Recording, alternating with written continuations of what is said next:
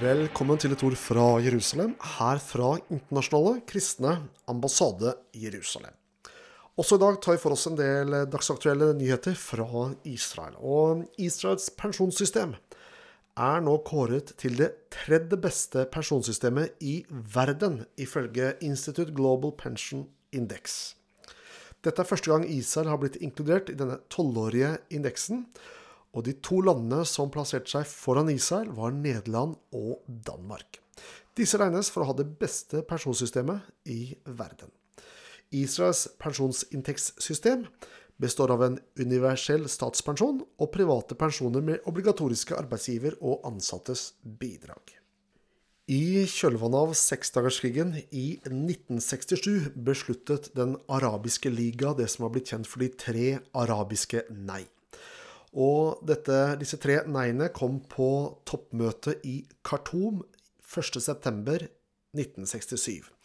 Og disse tre nei-ene inneholdt følgende nei til fred med Israel, nei til anerkjennelse av Israel og nei til forhandlinger med Israel. Nå har det nettopp blitt kjent at Israel og Sudan har inngått fredsavtale, og disse tre nei-ene i Khartoum har da blitt endret til ja til å anerkjenne Israel, ja til fred med Israel og ja til et normalt forhold til Israel. Vi lever med andre ord i en historisk epoke når disse fredsavtalene inngås mellom Israel og de arabisk-muslimske statene. Så langt har både De forente arabiske emirater og Bahrain inngått avtale med Israel, og nå også Sudan. Og ifølge Trump så er det nå fem nye avtaler som eh, venter på å inngås. Og flere arabiske og muslimske land ønsker nå å normalisere båndene til Israel. Men de formelle prosessene og offentliggjørelse av disse vil iverksettes etter valget i USA i neste uke, uttalte nydelig Donald Trump. Han sier også at vi utfører et omfattende arbeid akkurat nå og jeg er involvert i alle disse avtalene. Vi oppnår fred i Midtøsten uten at det koster blod eller penger. Trump understreket hvilken sensasjonell triumf det er at Sudan nå har inngått fred med Israel og vil normalisere forholdene til den jødiske staten.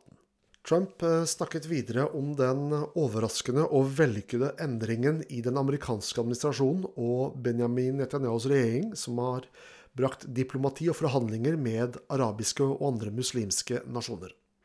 Dette er en helt annen tilnærming enn det som har vært forsøkt de siste 30 årene, og vi er veldig spente på fortsettelsen, sa president Trump. Kilder nær Mossad-direktør Yossi Cohen sa til Jerusalem Post tidligere at en avtale som vil normalisere forholdet mellom Israel og Saudi-Arabia, er nært forestående.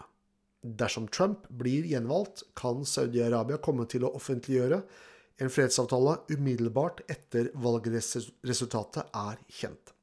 Men dersom Biden vinner, vil Saudi-Arabia troligvis avvente for å se hvilken linje den nye regjeringen vil legge seg på. De forente arabiske emirater fordømmer Fatah og Hamas som korrupte mordere. De arabiske nasjonene har kuttet bistanden til palestinarabernes lederskap med 85% i 2020. Vi er i dag vitne til et sensasjonelt historisk paradigmeskifte i Midtøsten. I et intervju i 24 News Middle East tydeliggjør Al-Falasi, medlem av De forente arabiske emiraters nasjonalforsamling, den sensasjonelle historiske endringen som skjer i den arabiske verden i 2020. Utspillet stiller seg i rekken av slike utspill fra de arabiske gulfnasjonene, inkludert Saudi-Arabia. Denne uken slo man fast at palestina-arabernes ledelse må tenke utenfor boksen sin for å oppnå fred, altså endre kursen. Også Den arabiske liga har med all mulig tydelighet formidlet at det er skjedd et paradigmeskifte i 2020. Ligaen forkastet PAs ønske om at ligaen skulle fordømme at arabiske nasjoner inngår fred med Israel og normaliserer forholdene til den jødiske staten. PA, eller de palestina-arabiske selvstyremyndigheter, omtalte vedtaket som et bakholdsangrep og forræderi. Bare regimene i Iran og Tyrkia har stilt seg bak PA i dette. Skiftet er knyttet til USAs president Donald Trumps innsats for å skape fred i Midtøsten. Skiftet har også sammenheng med at Iran og Tyrkia posisjonerer seg på en måte som utfordrer arabiske interesser. Og araberne ser derfor nå til USA-Israel-alliansen for å sikre sine interesser knyttet til sikkerhet og økonomi. Al-Falasi fra, fra, De forente arabiske emiraters nasjonalforsamling sier at De forente arabiske emirater er forpliktet til det palestinske folket, ikke til Hamas og de palestinske selvstyremyndighetene som han omtalte som korrupte mordere. Nå er PA og Hamas sinte på De forente arabiske emirater fordi vi har sluttet å betale dem. Men vi vil gi bistand til det palestinske folket. Vi vil ikke lenger finansiere Hamas og PA. Al-Falasi forstår at palestinere er sinte fordi bistanden fra de arabiske nasjonene er redusert med 85% så langt i 2020. Men forklarer at Emiratene ikke lenger ønsker å finansiere vannstyret til Hamas og Fatah. Disse nyhetene er hentet fra ikai.no, hvor du kan daglig lese nyheter og kommentarer og analyser fra det som skjer i Israel. Vi er uansett vitne til en helt ny epoke i Midtøsten-regionen, som på mange måter lover godt. Nå skal vi høre på musikk.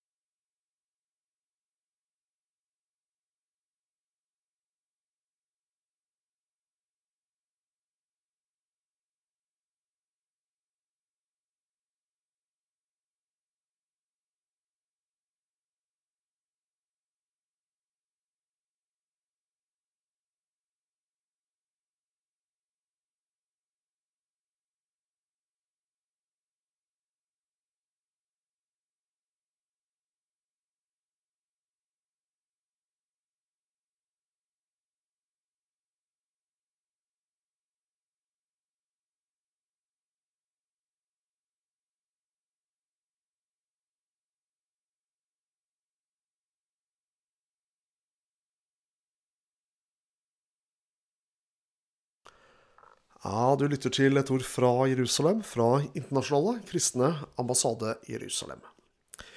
I kjølvannet av bispemøtets angrep på kristensionisme har det vært mye debatt i den kristne pressen. Men la oss se litt nærmere på hva ligger i dette begrepet kristensionisme. Jo, grunnleggende så er det troen på at Gud bringer det jødiske folket tilbake i vår tid. For det første så har det aldri skjedd tidligere før i historien at et folkeslag har blitt fordrevet fra sitt hjemland, for så etter århundrer komme tilbake til det landet som de en gang bodde i. Men det er nettopp det som skjer med det jødiske folket. Det er ikke bare helt unikt historisk, men det er også hva Bibelen forutsier skal skje eh, i vår tid. For eksempel så står det i Esekel kapittel 36 vers 24 jeg vil hente dere fra folkene og samle dere fra alle landene, og jeg vil la dere komme til deres eget land. Slikt taler nesten alle profetene. Moses sa det, Jeremia sa det, Esekel sier det flere steder, Jesaja sier det, osv. I Amos kapittel 9 og vers 14 står det slik. Jeg fører tilbake de bortførte fangene av mitt folk Israel. De skal bygge opp igjen de ødelagte byene og bosette seg der. De skal plante vingårder og drikke vinen fra dem, og de skal anlegge hager og spise frukten fra dem. Jeg skal plante dem i deres land, og de skal aldri mer rykkes opp fra sitt land. Det jeg har gitt dem, sier Herren din Gud. Vi kristne som tror at dette er noe som skjer med det jødiske folk i vår, vår tid, er for øvrig en ganske stor bevegelse av kristne over hele verden som tror at det er det vi er vitne til.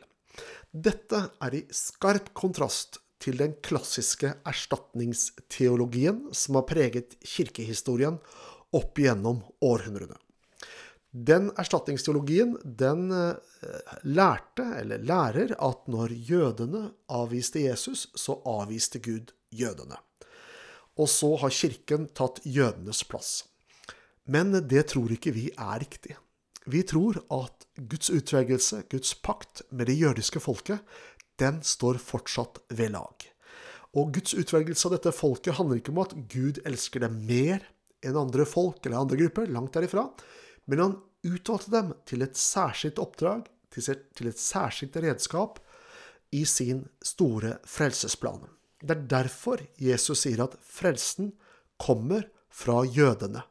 Og legg merke til, han sier ikke at den kommer fra jøden, altså han selv, men han sier at den kommer fra jødene. Han erkjenner eller tilkjennegir det jødiske folket en helt unik rolle i denne store, fantastiske planen. Og den er ikke ekskluderende, den er inkluderende, slik at alle mennesker kan få del i Guds frelse og forsoning. Og jødene er redskapet som er brukt i denne store planen.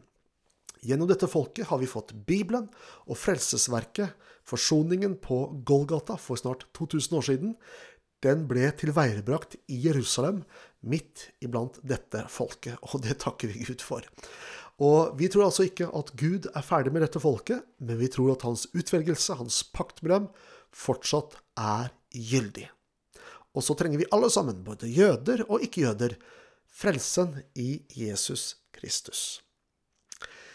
Vi er kommet til veis ende i dette programmet. Du har lyttet til et ord fra Jerusalem, fra Internasjonale kristne ambassade Jerusalem. Jeg, Dag Øyvind Juliussen, takker for følget og ønsker deg Guds rike velsignelse.